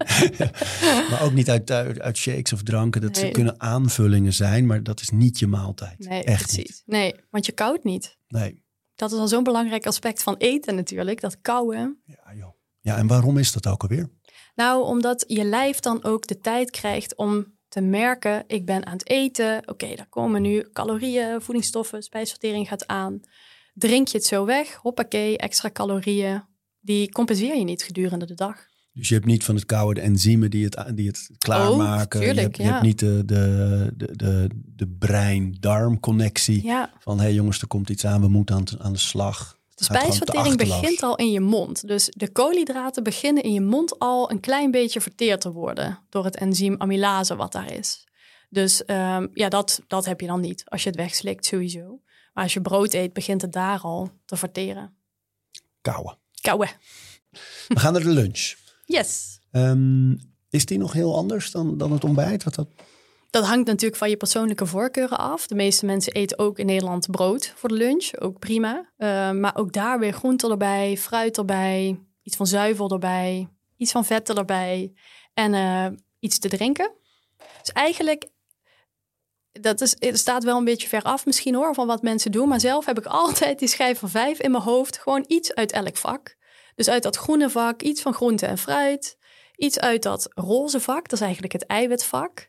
Eh, iets uit dat vette vak, iets uit de granen en iets te drinken. Kunnen we eens langs gaan? Dus die, Ja. eh, als je zo zegt hoe we die, die maaltijd dan ongeveer samen zouden moeten stellen, bij voorkeur, voor kinderen vooral ook. Ehm, wat zijn voorbeelden van type voedsels die daarbij horen? Want we hebben het Ja. over eiwitten, over vetten, over granen, over... Ja, nou ja, dat, dat, dat groene vak, het groente en fruit, daar hebben we het al een beetje over gehad. Ja. Hè? Dus op je brood, eh, door een omeletje, maak een soep zelf. Noem maar op, daar kun je allemaal groenten in verwerken. Fruit is ook super lekker op brood. Kun je ook door je yoghurt doen of gewoon los. Ja, ik denk dat dat wel vrij voor de hand ligt. Ja. Ehm, maar het roze vak, dus het eiwitvak, ehm, daar kun je denken aan eh, sowieso dus de zuivel. Dus even een eh, glaasje halfvolle melk erbij, een schaaltje yoghurt. Ja, in de zoiets. melk zit meestal zo 3, 4 gram eiwit op 100 gram, zoiets. Ja, dat maakt niet zoveel Maakt niet uit. want het uit. gaat om de dag. En weet je, in Nederland is bij de meeste mensen eiwit niet zo'n issue hoor. Nee? Ook bij vegetariërs niet. De meeste mensen krijgen gewoon wel genoeg eiwit binnen. Als je het hebt over eh, mensen die ondervoed zijn, bijvoorbeeld niet, mensen met een ziekte. Maar daar hoef je niet specifiek voor te gaan rekenen met getallen. Dus het is niet zo dat je moet denken, oh, ik moet zo zoveel gram per kilo lichaamsgewicht. Het gaat er meer om Nee, dat je bij elke maaltijd in ieder geval het vakje aanraakt. Ja, nou, ik vind dat zelf wel een handig hulpmiddel om te denken: oké, heb ik uit elk vakje iets? Maar dat kan ook op je brood, hè? Bijvoorbeeld 100% pindakaas staat ook in dat vak. Of notenpasta, zoiets. Eh, een keer vis op je boterham bijvoorbeeld. Veel mensen halen niet het advies van één keer in de week vis. Eh, dat kan ook op brood of door een eh, lunchsalade of zo. Dus je kunt van alles doen. En eigenlijk de meeste mensen doen dat ook wel hoor. Want een van de populairste lunchproducten is een boterham met kaas. Ja, En kaas bevat natuurlijk ook eiwit. zo Calvinistisch Nederlands Ja. ook. Hè? Boter, een bruine boterham met kaas en een kop soep, groentesoep ernaast. Niks mis mee. Maar even nog terug naar de proteïne. Van je, je noemde daar al een paar dingen. Hè? Wat, wat zijn nog? Want ik heb het gevoel dat veel mensen denken proteïne, eiwit. Ja, ik snap dat het in eieren zit. Ja, ei. Maar waar nog meer in? Ja, nou ei inderdaad. Dus dat kan ook prima bij de lunch, op je brood of als een omeletje. Eh, vis dus. Eh, vlees zit er natuurlijk ook in. Eh, maar dat eten de me- meeste mensen natuurlijk echt al meer dan genoeg. Vaak bij de avondmaaltijd. Een beetje te veel zie ik. In, dit is jouw genuanceerde, een lieve manier om te zeggen... jongens, vlees minderen mag. Ja, ja, precies. We raden aan max drie, eh, 500 gram in de week. Voor volwassenen en voor kinderen is dat dan ook nog een beetje minder. En daar zitten de vleeswaren ook bij in. En dat is natuurlijk iets waar kinderen ook vaak wel echt dol op zijn, die vleeswaren. Maar ja, dat is echt zo'n... ehm, het is een rood vlees, het is bewerkt vlees. Dus dat staat eigenlijk nooit in de schijf van vijf. Dus ehm, ja, dus als je een stap wil maken in je lunch, dan is het wel een idee om dat te vervangen door iets plantaardigs bijvoorbeeld. Dus een 100% pindakaas, om maar wat te noemen. Ehm, je zegt steeds 100% pindakaas. Hè? Ja, en waarom is dat? Nou, dat wil eigenlijk gewoon zeggen dat er geen zout en suiker aan zijn toegevoegd. Vroeger had je die eigenlijk helemaal niet. Hè? Had je altijd die varianten met zout en suiker erin. Sinds een aantal jaren zie je overal nu Ja, leuk, die hè? 100%. Ja, heel Je fijn. hebt die pindakaaswinkel en pindabazen. En het zijn Ja. zoveel leuke merken. nu. Het is nog eentje met die drie jongens. Er waren drie studenten uit Groningen. Die staan ook zelf op dat potje. Die hebben dan ook chili eraan toegevoegd. Oh ja. en, maar altijd zonder palmolie ook allemaal. Het is allemaal hele lekkere, rijke, volle Ja, pindakaas. je proeft de pinda gewoon Ja, echt. ja, ik ja. noem door shakes vaak. Ja. Ja. Ja. en je hebt ze ook gewoon in eh, B-merken nu. Hè? Dat is ook wel fijn. Dus ook als je niet een hele grote beurs hebt, dan kun je dat wel gewoon uh, verkrijgen in de supermarkt. Je hoeft, niet naar, je hoeft niet naar een speciale pindakaaswinkel. Hoewel ik er deze week toevallig ook geweest ben, ja. Ja, leuk. Ja, heel leuk. Hey, en uh, dan zitten we nog in de hoek van de proteïne. Zitten daar nog andere dingen in die we vaker kunnen eten rond de lunch? Uh, nou ja, je zou als je dan niet van uh, pindakaas of notenpasta op brood... kun je dan ook lekker dat handje noten nemen. Dat is een fijne snack ook. Um, ja, ik denk dat we dan een grotendeels zijn. En ook daar weer, hè? dus is, is de truc hetzelfde? Is het zo altijd zo als kinderen uh, moeilijk de juiste dingen eten? Is het altijd zo van laat ze maar een beetje proeven en het komt vanzelf wel? Geduld hebben, niet dwingen? Of zijn er nog tips en tricks om ze, om ze daar echt enthousiaster voor te krijgen? Ja, je begint natuurlijk bij het begin. Dus je begint echt bij die eerste hapjes. Um, daar leg je de basis. En als je dan al, of eigenlijk in de zwangerschap al, want als je dan als moeder heel gevarieerd eet, krijgt dat kind via het vruchtwater al verschillende smaakjes tot zich. Um, en dan bij het aanbieden van die eerste hapjes, dat doe je in enkele smaken. Dus je gaat niet dingen dan al mixen. Je begint gewoon met ja, bloemkool, om maar wat te noemen. Doe je even een paar dagen bijvoorbeeld, zodat ze echt wennen aan die smaak. En dan ga je voor ze in de peuterpuberteit komen zoveel mogelijk aanbieden. Want daarna ja, kunnen ze ineens heel koppig zijn om dingen die ze daarvoor gewoon lusten. En een week later ook weer. Dus dat al doen. Maar het is natuurlijk niet dat het daarna ophoudt. We zijn nog steeds bezig, ook met die van negen bijvoorbeeld, om die nieuwe dingen te laten proberen, omdat het niet zo'n avontuurlijke eter is van zichzelf. Om dat te blijven doen. En dat kun je op heel veel manieren doen. Um, je kunt heel erg variëren in hoe je iets aanbiedt. Dus als je een keer uh, broccoli hebt gegeven, uh, gekookt en dat vonden ze helemaal niks. Uh, maar gewokt in een beetje knoflookolie bijvoorbeeld wel. Of rauw met een lekker zelfgemaakt dipje. Het liefst nog door het kind zelf gemaakt natuurlijk. Is best wel een grote kans dat ze dan denken... oh, maar zo vind ik het wel lekker. Je kunt er van alles mee. Je kunt er hele... Ja, ik vind broccoli is altijd een beetje uitnodigen tot een soort sprookjesverhaal. Ik vind het van die hele mooie boompjes. Ja. Dus ja, die kinderen, die fantasie, die, die gaat alle kanten op. Dus als je daarin meeneemt, kun je denk ik ook al veel bereiken. Maar het is net afhankelijk van waar slaat jouw kind op aan. Ja, die verhalen, dat is echt zo. Hè? Wat, wat mensen vroeger natuurlijk al met die lepel die het vliegtuig was, die een hangar in moest. En dan eerst die neusgaten in en dan dat spelletje werkt, toch? Um, ik doe ook wel eens een spelletje met de jongste dan. Uh, dat heb ik bij allemaal gedaan. Van, alsof er wezentjes in die buik zitten die zeggen: oh, hey, ja. waarschuw even als er een flats, flats. Zo. Dat vinden ze dan grappig en dan eten, nemen ze nog een hap van: hey, papa, doe nog eens flats, flats. Ja, precies. Ja. En dat werkt toch? Ja. Ja, dat soort dingen werken gewoon. En het is net een beetje afhankelijk van wat werkt voor jouw kind.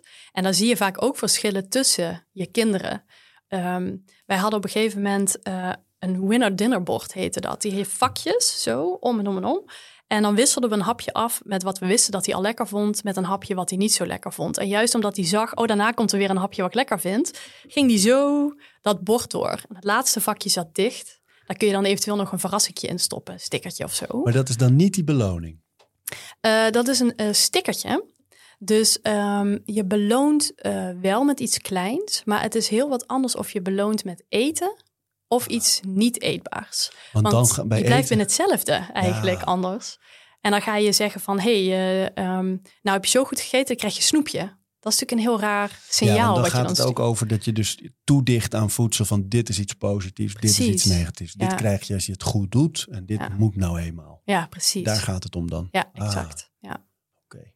En de lunch uh, verder nog. Dus stel oh, nou dat je een... Uh, wat, wat is nou een goede, gezonde lunch? Dus we weten nu een beetje wat er allemaal in moet zitten, maar echt een voorbeeld ervan. Ja, kan van alles zijn. Dus een uh, voorbeeld met iets uit elk vak is gewoon die volkoren boterham besmeerd met halvarine met uh, 30 plus kaas erop, glaasje melk ernaast, uh, plakjes komkommer. Dan heb je uiteindelijk vak al wat. Um, maar je kunt natuurlijk ook gaan voor een groenteomelet. Doe je een stukje een volkoren pistolet naast.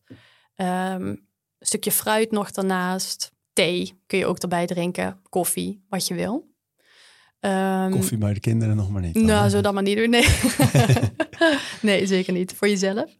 Um, zelfgemaakte soep. Ik zou er altijd even iets. Uh, je kunt er of een, uh, bijvoorbeeld rijst door je soep doen voor de vezels. Of uh, nog weer een volkoren pita broodje daarnaast, noem maar op. En ook daar weer, hè, stel dat je nou als ouder hebt gekozen van oké, het lukt me om die boterham met kaas. Dat zijn ze nu gewend. Maar dan wil ik dan toch een beetje die komkommer aan toe gaan voegen of iets anders aan groenten. Hoe Ja. zet je die stap? Gaat, Nou, het- vaak zal dat vanzelf gaan, want kinderen vinden komkommer super lekker. Ja, meestal wel.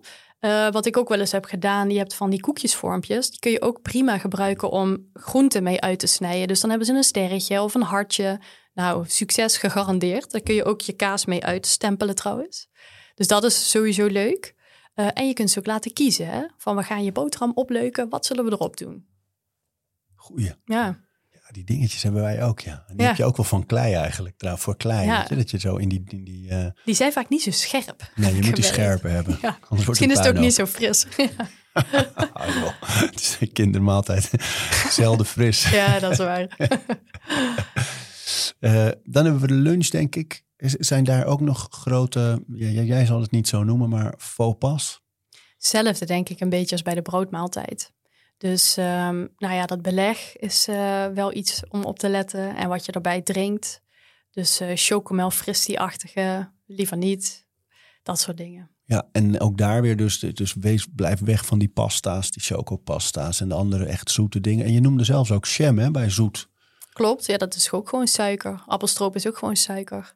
Ook de 100% appelstroop is toch gewoon suiker. Het is gewoon helemaal ingekookt tot je de suiker over hebt eigenlijk. Ja. En vaak is het eerste ingrediënt ook niet eens... Ja, die 100% appelstroop natuurlijk wel. Maar als je gewoon kijkt naar andere... is het eerste ingrediënt ook vaker wel eh, bieten, ingekookte bietensap. Bijvoorbeeld. Of suiker. Er zitten ook vaak wel e, veel E-nummers in en andere bindmiddelen en eh, zo. ja, toch? kijk, op zich E-nummers zijn eh, goedgekeurd door de EU als veilig. Dus ze zijn wel veilig. Eh, dus daar hoef je op zich niet je zorgen om te maken.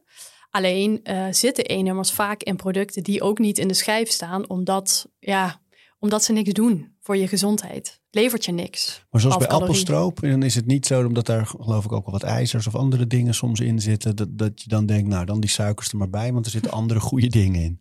Nee, want je kunt dat makkelijk uit andere dingen halen ook. Uit gezonde producten. Dus zolang je dat uit gezonde producten kan halen, doe je dat liever dan iets wat verder niet zoveel levert. En dan weer de vraag van stel nou dat je inderdaad die weg al ingeslagen bent. Ze eten boterhammen met jam, met appelstroop, met pasta. Is dan dus altijd de truc om eerst eh, eh, dunner te smeren. Zodat ze in ieder geval optie. wat minder krijgen. Mhm. Maar het is dus toch het beste om daar helemaal van af te gaan. Ja, of af en toe. Hè. Ik kan er natuurlijk best wel af en toe bij. Maar als het merendeel gewoon gezond is. En je kunt dat ook rustig aan. Stel je kind eet zes boterhammen op een dag. Zes met zoet. Dan kun je ook zeggen, goh, we gaan er nu één. Gaan we gezond doen. Dan gaan we daarmee beginnen. En zo bouw je dat op tot steeds meer boterhammen eh, gezond zijn. En dan kun je met je kind afspreken. Hoe lang gaan we daarover doen? Wat wil je erop? Noem maar op. En daarbij is nog wel een uitdaging een beetje hoor, vind ik zelf ook.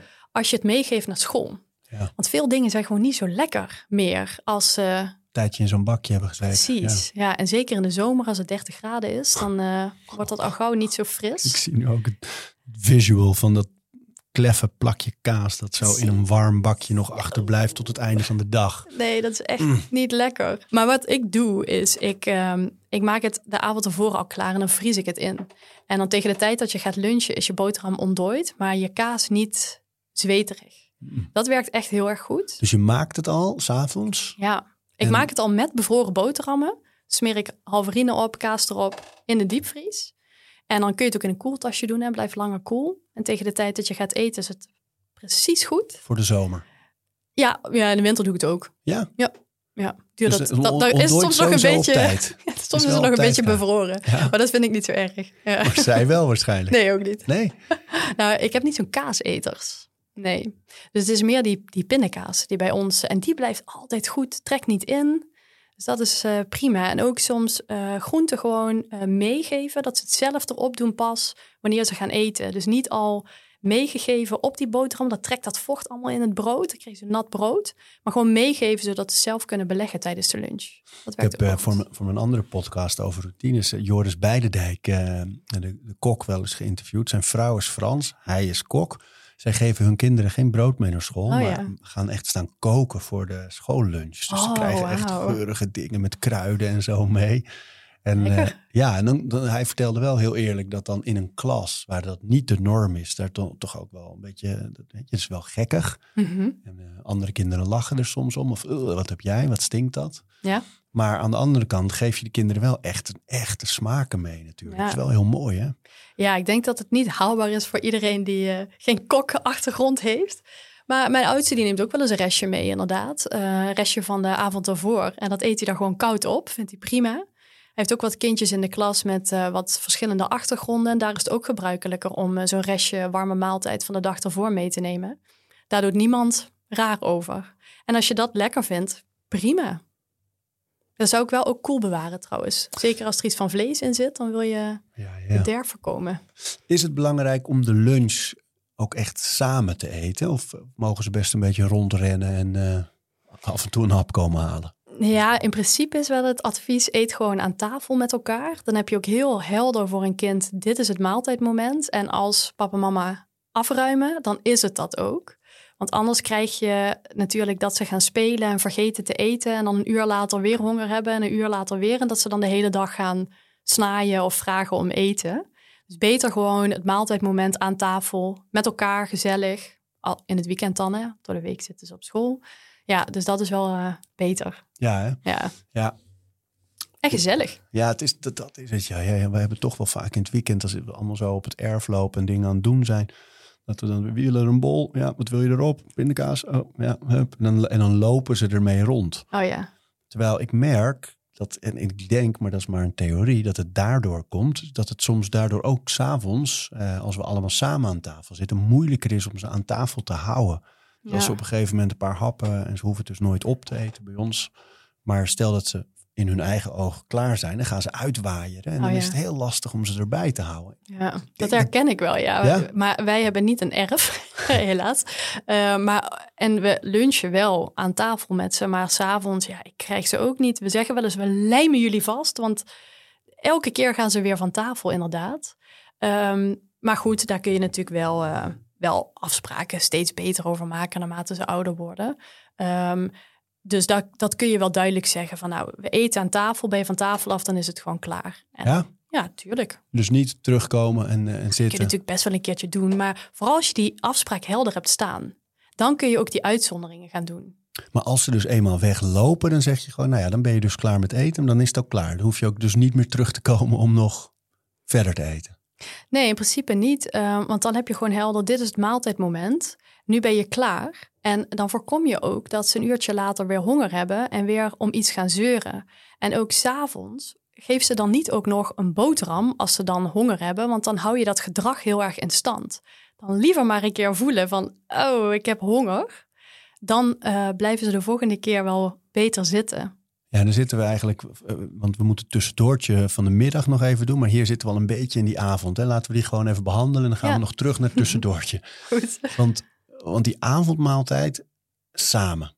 En waarom is dat samen eten, ook bij de lunch en ook bij het ontbijt, liefst als het je lukt, zo belangrijk? Ja, kijk, als het lukt, hè, dat is natuurlijk, eh, dat staat voorop. Want ehm, soms, wij hebben bijvoorbeeld een tijd lang de, eh, de ochtend eh, verdeeld. Of mijn man die deed dan de kinderen en ik ging vroeg werken, zodat ik op tijd terug kon en ik kookte dan s'avonds. Maar die avondmaaltijd zaten we altijd samen. En dat is omdat het een eh, fijn moment is met elkaar. Om de dag te bespreken. Wat was er leuk? Eh, waren er nog dingen die misschien wat minder leuk waren? Ehm, je bent even weer met elkaar. Je kunt terugkijken op de dag, zodat ze ook lekker kunnen slapen daarna. En het is een sociaal moment. En het is ook niet zo handig dan om schermen aan tafel te hebben, eh, telefoons, boekjes, wat dan ook. Want als je iets doet terwijl je eet, lezen, televisie kijken, wat dan ook, dan ben je niet met aandacht aan het eten. En dan voel je ook niet goed of je genoeg hebt gehad. En je neemt het minder goed op ook, hè, schijnt. Ja. Je bedoelt qua absorptie, qua Ja, vertering? ja. dat, dat, daar twijfel ik over. Maar het is vooral dat je gewoon... Ja, je bent helemaal afgeleid. Dus je bent niet daar bij het eten achterloos. Ja. En, en ehm, jij zegt eigenlijk als ze uitwaaieren en het eten is nog niet eh, op, of ze hebben misschien zelfs te weinig gegeten, eh, geef ze dan niet nog als ze in bad zitten een, een boterham of iets anders, wat een soort maaltijd is om te compenseren? Nee, je kunt ze natuurlijk wel eventjes waarschuwen. Hè, van, hey, je gaat nu van tafel af. dit is een maaltijdmoment, dus kom maar weer zitten. Anders is het maaltijdmoment voorbij. Kijk, je bent ook geen boeman die als een soort dictator dit bepaalt. Maar als een kind op een gegeven moment echt, en dat is jullie regel, hè, dat ze van tafel af mogen als ze klaar zijn, dat kan, uh, dan is het dat ook. En als je dan nog s'avonds gaat eten gaat geven, dan is het signaal wat je stuurt natuurlijk een beetje vreemd. Duidelijkheid. Ja. ja. ja. En um, dus tegen ze zeggen, je blijft nog maar even zitten als ze eigenlijk voor hun gevoel klaar zijn, omdat we nu eenmaal aan tafel zitten, is dat misschien ook niet positief. Ik zou met elkaar kijken, wat vind je belangrijk? Wij hebben op een gegeven moment met elkaar besloten van, nou, als de kinderen klaar zijn, mogen ze van tafel af, omdat grote mensen nu eenmaal vaak langer tafelen. Inmiddels is het omgedraaid. Um, dat, is, dat was onze regel. En uh, dan, dan moesten ze dus ook wachten op elkaar, omdat wij vonden dat is netjes om gewoon uh, om dat te leren. Um, dus als dat jullie regel is, dan leg je dat uit. Waarom vind je dat belangrijk? Uh, je laat het zelf ook zien. Dat is natuurlijk ook altijd echt heel krachtig, hè? Om het te laten zien in plaats van het te vertellen. Ze, ze, doen niet wat je zegt, ze doen wat je doet. Ja, precies. Ja. Nou, dat is natuurlijk ook bij dit.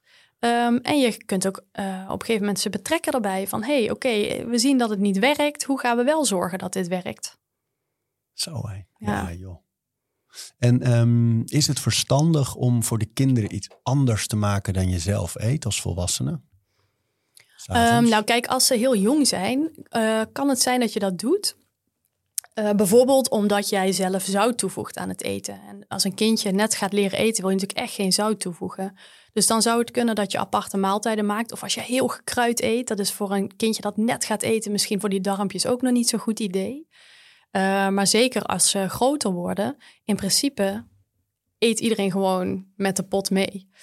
Wat wij thuis hebben bijvoorbeeld is dat uh, onze oudste vegetarisch is en uh, wij niet. Wij eten weinig vlees, maar niet vegetarisch. Dus soms dan heb ik voor hem net iets anders dan voor de rest, vanwege dat. Maar um, ik heb vroeger ook wel eens een vriendinnetje gehad en die moeder kookte voor elk gezinslid iets apart.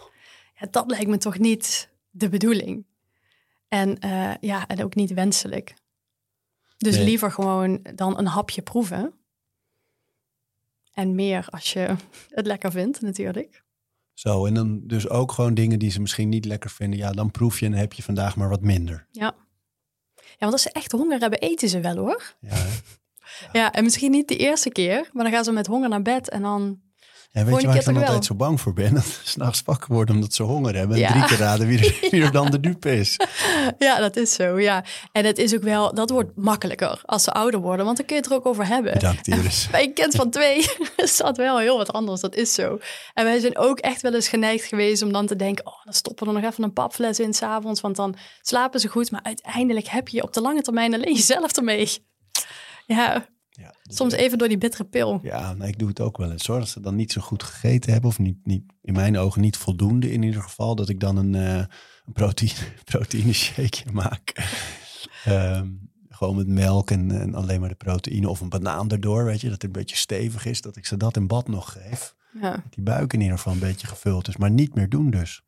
Nee, ja, nee. Nee, duidelijk. Nee, ik luister naar je. Ik luister naar je. Ik ben Moest niet met de lief zijn, toch? nee, dat zei ik niet.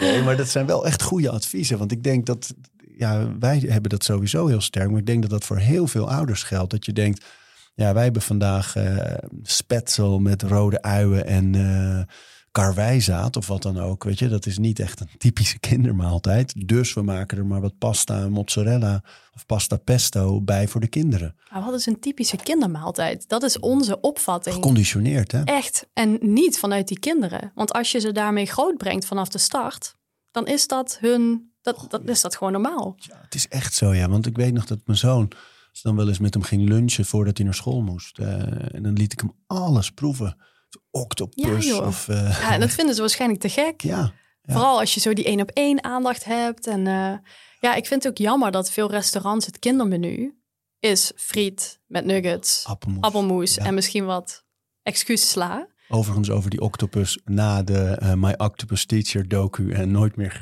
kunnen eten. Maar, maar, maar toen nog wel. Je hebt je momentje gehad. Ja, ja, ja, ja, ja. ja. en het is lekker, maar als je die docu gezien hebt, kun je geen octopus meer eten. Oké, ik hou tegen gedachten.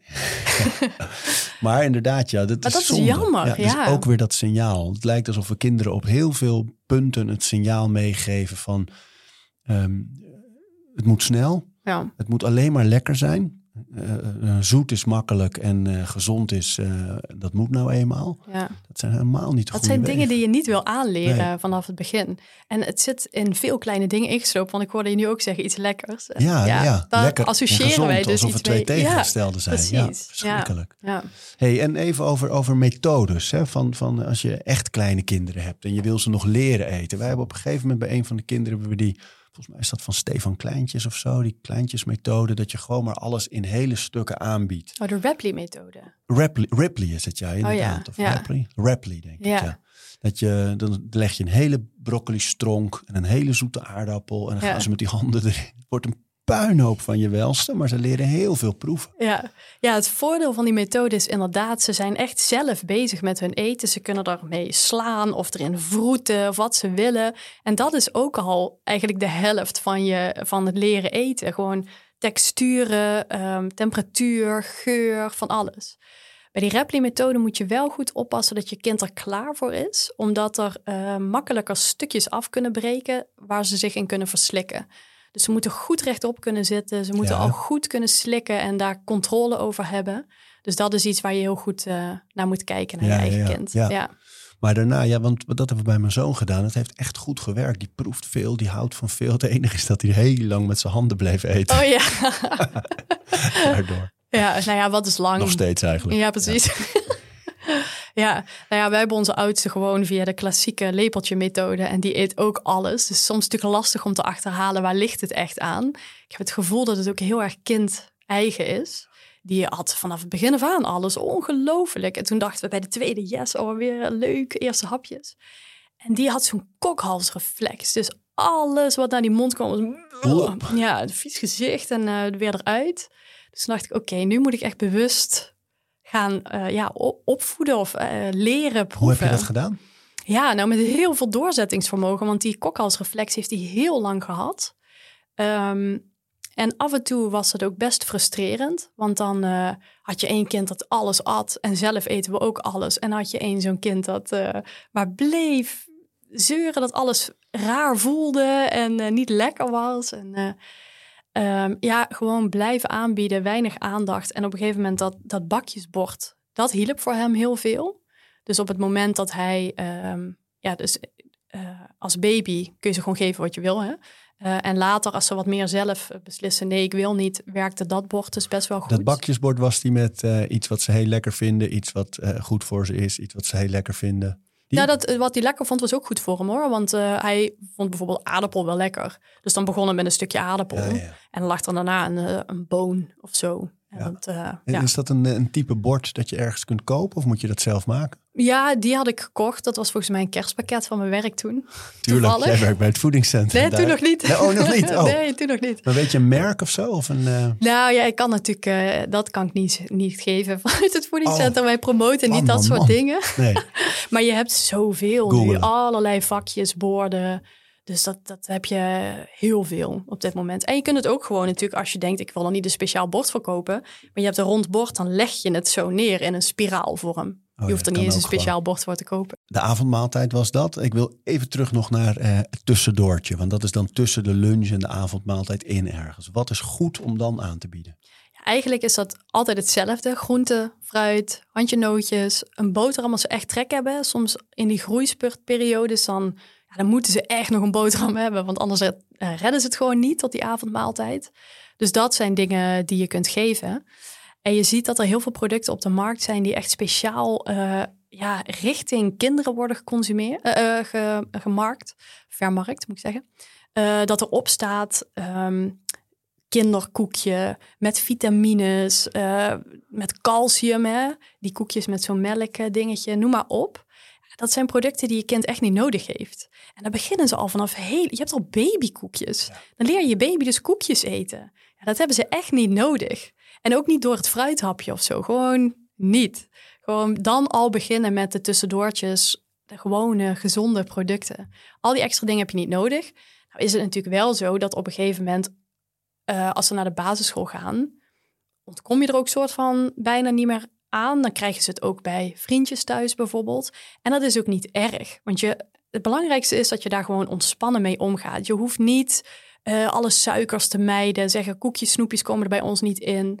Maar dat is ook echt zoiets waar je afspraken over kan maken. Bijvoorbeeld uh, uit, fruit, uh, uit school krijg je één koekje en één snoepje. Bijvoorbeeld. En iets van limo drinken we ook maar één keer per dag of één keer per week. Net wat je valt afspreekt. ook appelsap onder en gewoon echt zoete dranken. Precies, ja. ja. Dus daar kun je gewoon afspraken over maken. En um, ja, wat wij vaak doen is dat we, um, als ik ga koken, uh, dat is ook een momentje dat zij even televisie mogen kijken. En dan uh, ben ik toch van alles aan het snijden qua groenten. Dan zet ik ook alvast wat groenten boven. Dan is die ergste trek er ook al van af. Ik merk soms dat als ze echt uitgehongerd aan tafel gaan, dat die lontjes een beetje kort zijn. En dan komt dat de sfeer niet ten goede. Nou, dan hebben ze alvast wat gehad. En dan, ja, dat doen wij ook vaak. Dan ja. heb je van die gekleurde kleine paprikaatjes ja, bijvoorbeeld. Vinden ze lekker. Altijd een beetje komkommer of uh, tomaatjes werken ook goed. En die kun je ook klaarzetten als ze uit school komen. Ja. Dan hebben ze ook uh, lekker even wat waar ze nog op door kunnen smiddags. Wij zijn voortdurend eigenlijk bezig met hoe kunnen we ervoor zorgen dat, er, dat ze wel altijd even ergens iets kunnen pakken als ze dat zelf willen. We hebben ook een, een ijskastje onder onze ijskast waar hun uh, dingen in ah, staan. Ja. Er liggen altijd besjes, uh, druiven, komkommertjes, die kleine, weet je wel. Dat kunnen ze altijd pakken. En er staan ook pakken melk of ja. appelsap staat er nog wel tussen. Maar nu jij ook weer zegt... het is toch gewoon een zoekte drank. Gaan we daar ook wat aan doen? Ja. Maar, maar dat vind ik wel het moeilijkste, merk ik, in alle dingen. Als je de weg al ingeslagen bent. Ja. Dus als die appelsap al echt geworteld is in die kleine leventjes. Van elke dag een glas appelsap bij ons. Ja. Voor alle drie. Hoe je dat dan verandert. Is, daar nou een, is daar nou een truc voor? Nou ja, dat, dat ja uh, verdunnen dus zeg maar langzaam afbouwen. Ze proeven het meteen, hè? Ja, echt? Ja, mijne wel. Ja, de oh. oudste tenminste. Die zegt meteen, zelfs als ik een ander merk heb. Oh, echt? Dus ik heb biologische, die troebelen altijd. Ja. Maar als ik die bij een, een keer bij een andere winkel haal, dan, uh, dan zegt pap, wat is er met de appelsap? Oh, ja, ja. Is, het is andere. Ja. Proeft het meteen. Nou ja, misschien kun je dan gewoon eens met, met die oudste erover hebben van, goh, nou, ik had een gast in mijn podcast vandaag en die zei: Appelsap is eigenlijk helemaal niet zo goed voor je, want leg ook uit waarom.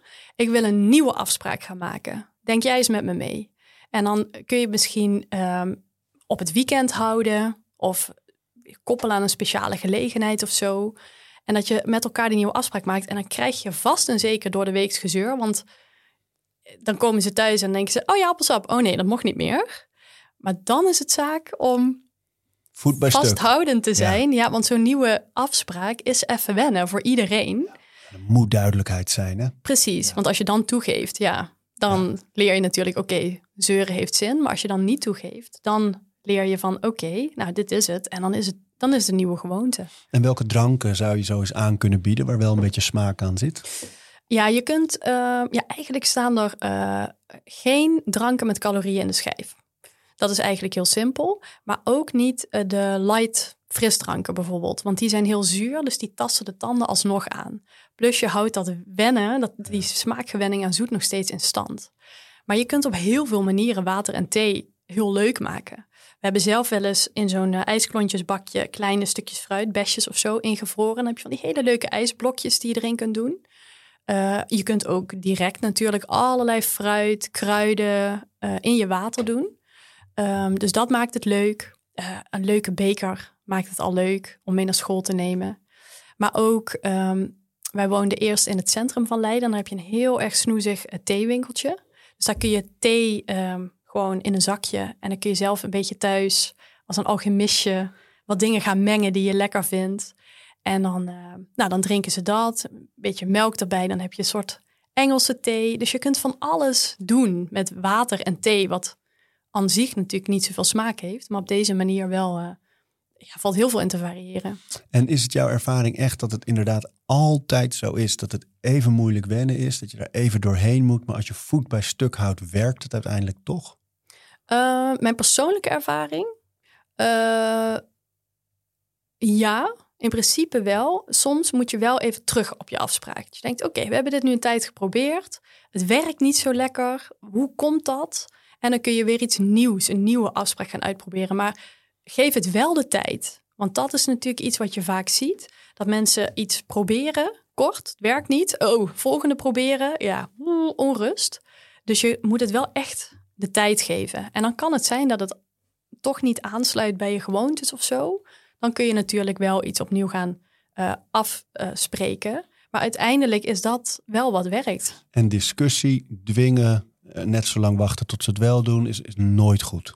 Nee, en ook, want wat jij schetste net, was eigenlijk hoe je je huis inricht. En dat kun je wel heel erg faciliterend maken aan je afspraken. Want als die appelsap niet meer in hun koelkastje staat, maar wel een vette kan met supermooi uh, smaakwater, dan vergeten ze die appelsap en dan willen ze dat.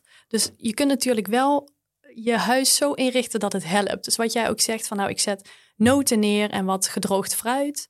Ehm, in plaats van, misschien waarbij anderen de snoeppot op tafel staat, ja, dan verleid je natuurlijk wel voor het kiezen voor die producten.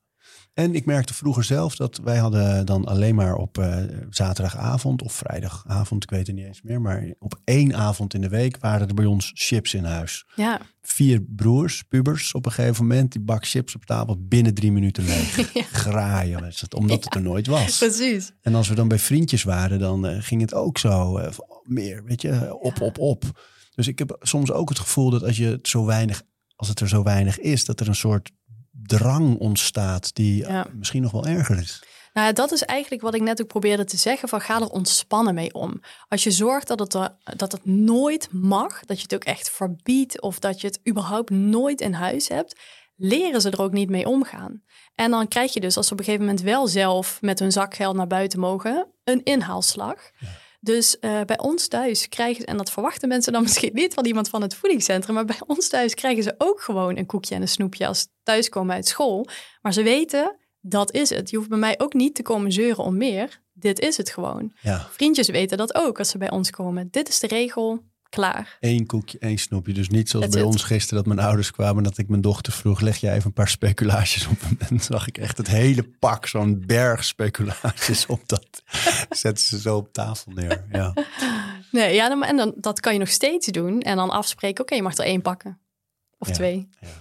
Je maakt het ze wel moeilijk als er een berg ligt. Ja. Dat, nou, maar dat is het inderdaad. Dus je liever leg je er gewoon één voor ze klaar. En in het weekend misschien een eigen bakje, zodat je niet hoeft te concurreren met je broers om het maar zo snel mogelijk op te eten. Want dat kregen wij vroeger, één bakje voor onszelf. Wat we vervolgens inderdaad bij elkaar vergeleken van volgens mij heeft zij een chipje meer. Ja, oh, maar dat is een beetje, ja. Duidelijkheid, positief houden, niet forceren, geduldig zijn, lekker vaak aanbieden. Ja, precies. Verleid ze tot het gezonde. En zonder daar die woorden aan te geven. Je hoeft niet de hele tijd te zeggen: dit is gezond, dit is gezond. Dat werkt niet. Dus wat jij zegt, ja, leef het voor. In plaats van dat je de hele tijd het benoemt. Laatste wat ik van je wil weten is, um, vandaag in ieder geval. um, veel ouders zullen nu met de vraag zitten, is als ze zelf bijvoorbeeld vegetarisch of zelfs helemaal plantaardig leven, van uh, kan je zo ook je kinderen opvoeden al? Is het in die kinderfase te doen? Om helemaal plantaardig of vegetarisch op te voeden? Ja, ik noemde net al hè, dat mijn oudste nu is nu een half jaar vegetarisch. Uh, we waren al langer, uh, eigenlijk al een proces van jaren, steeds meer vlees uh, aan het minderen. We aten op een gegeven moment met z'n vijven wat we voorheen met z'n tweeën aten. Dus qua porties aten we minder steeds minder dagen in de week. Uh, tot we op iets kwamen dat we dachten, hier kunnen we mee leven. We eten het iets van twee keer in de week en dan van een, goed, ja, een dier wat een goed leven heeft gehad. Maar voor de oudste was dat niet genoeg. Die wilde echt vegetarisch eten. En dat is prima, want je kunt een kind prima vegetarisch opvoeden. Dat is echt geen enkel probleem. Um, daarbij let je erop dat je het goed vervangt. Um, en dan kun je denken aan peulvruchten, ei, uh, noten. Uh, en uh, vis, als ze dat wel willen. Geen supplementen dan als vervanger? Nee, is niet nodig. Want je, um, ja, waar je op let is bijvoorbeeld ijzeren, uh, eiwit en vitamine B12. Maar als je kind verder dierlijke producten eet, dan haalt hij daar de vitamine B12 uit. Ja, want dat is vegetarisch natuurlijk. Dan kun je nog wel eens een bak kwark of een ei Zeker, ja, ja, daarom. En zuivel, ja, dus dat, daar haal je dan gewoon die B12 uit. Uh, ijzer haal je ook uit uh, plantaardige producten. Dus ook uit groene bladgroenten, volkorengraanproducten, maar ook uit ei, peulvruchten. Het is wel zo dat je lichaam dat wat minder makkelijk opneemt dan het ijzer uit vlees. Uh, dus dat is wel iets om te letten, dat ze, op te letten dat ze genoeg binnenkrijgen. En als je symptomen ziet van vermoeidheid of duizelingen of bleek, om het even te laten checken. Maar als je het gewoon goed vervangt en daarnaast ook genoeg volkoren graanproducten, groenten aanbiedt, kan het heel goed. dan kan dat heel goed. En één ding, want ik hoor je groene bladgroenten zeggen en denk, ja, maar daar zit ook nog iets. Hè? Dat het soms makkelijk is om komkommertjes, tomaten, misschien die kleine paprikaatjes en zo. Dat, dat is allemaal kleurrijk en leuk. Mm Maar spinazie, sla, eh, broccoli is een stuk moeilijker. Hè? Ja, dat is wisselend ja. Is het erg? Dat ze, kijk, ook daar is natuurlijk variatie het doel. Zeker, ja. Maar stel dat het echt lastig is om bijvoorbeeld die groene bladgroente erin te krijgen. Is het, is het erg als ze daar echt wel aanzienlijk minder van hebben? Nou ja, dan blijf je het gewoon gevarieerd aanbieden. Hè. Je gaat het uh, anders klaarmaken. Um, soms scheelt het al of je het uh, rauw neemt of gaar. Of um, gebakken of gekookt. Of uit de diepvries of vers uh, verwerkt in een saus of um, gewoon kaal. Er is zoveel mogelijk. Dus denk niet te snel, oh ze lusten het niet. Maar bied het op een andere manier aan. Uiteindelijk kunnen kinderen vrijwel alles leren lusten. Dat wil niet zeggen dat ze alles super lekker vinden. Dat ze zeggen, yes, nu eten we spinazie. Maar gewoon het accepteren en het gewoon opeten. Dat is gewoon uiteindelijk wat je wil bereiken als ze eerst echt niet lusten. Wij hebben ook voorkeuren. Ja, Popeye zag, dacht ik, oh, dat moet je hebben. Ja, maar je wordt er natuurlijk niet sterk van. Hè? Ik bedoel, er zit geen eiwit in of zo. Je kweekt er geen spieren van. maar prima. ja. Oh man, ja, we kunnen inderdaad nog heel lang doorgaan. Maar je moet, moet gewoon volgend seizoen nog eens komen. Dan gaan we ja. dan het vegetarisch en veganistisch. Uh... Ik wil nog wel één ja, advies geven als uh, ouders een kind echt helemaal plantaardig willen uh, opvoeden. Uh, dan is het risico op tekorten wel groter dan als je alleen vegetarisch opvoedt. Geef altijd een B12-supplement, want dat zit echt eigenlijk alleen maar in dierlijke producten. En uh, win eens een keer advies in van een kinderdiëtist die daar uh, ervaring mee heeft. Want zeker een kind dat nog zo aan het groeien is, zo aan het ontwikkelen is, ja, dan wil je gewoon niet dat die tekorten oploopt. Dat is bij een plantaardige voeding is die kans wat groter. Het is moeilijk, hè? Veel mensen doen natuurlijk vanuit principe. Ja, uh, zeker. En denken ze, ja, en dan ga ik mijn kind tegen dat principe in. Dat is natuurlijk ook een hele lastige afweging. Zeker, ja. Nee, daarom. En je staat ergens voor en je vindt dat belangrijk. En daarom uh, is het goed zo'n diëtist kan meedenken van, oké, binnen jouw keuzes, wat kunnen we doen? En misschien um, uh, is voor jou duurzaamheid wel echt zo belangrijk dat je denkt, dan vullen we aan met supplementen. Dat kan natuurlijk allemaal. Um, dus zie even een kinderdiëtist. Dankjewel. Graag gedaan. Staan op de site van het voedingscentrum uh, veel van deze adviezen ook? Alles. Alles is daar te vinden. ja, alles. Voedingscentrum.nl met een S ertussen. Hè? Niet ja. voedingscentrum, maar voedingscentrum.nl. Mm -hmm. Dankjewel. Graag gedaan. Bedankt dat je luisterde. Elke donderdag stuur ik een mailtje met drie leuke tips. Boeken, docu's, artikelen die ik tegenkwam, producten en accounts waar ik zelf veel aan had en waarvan ik denk dat jij ze ook inspirerend vindt.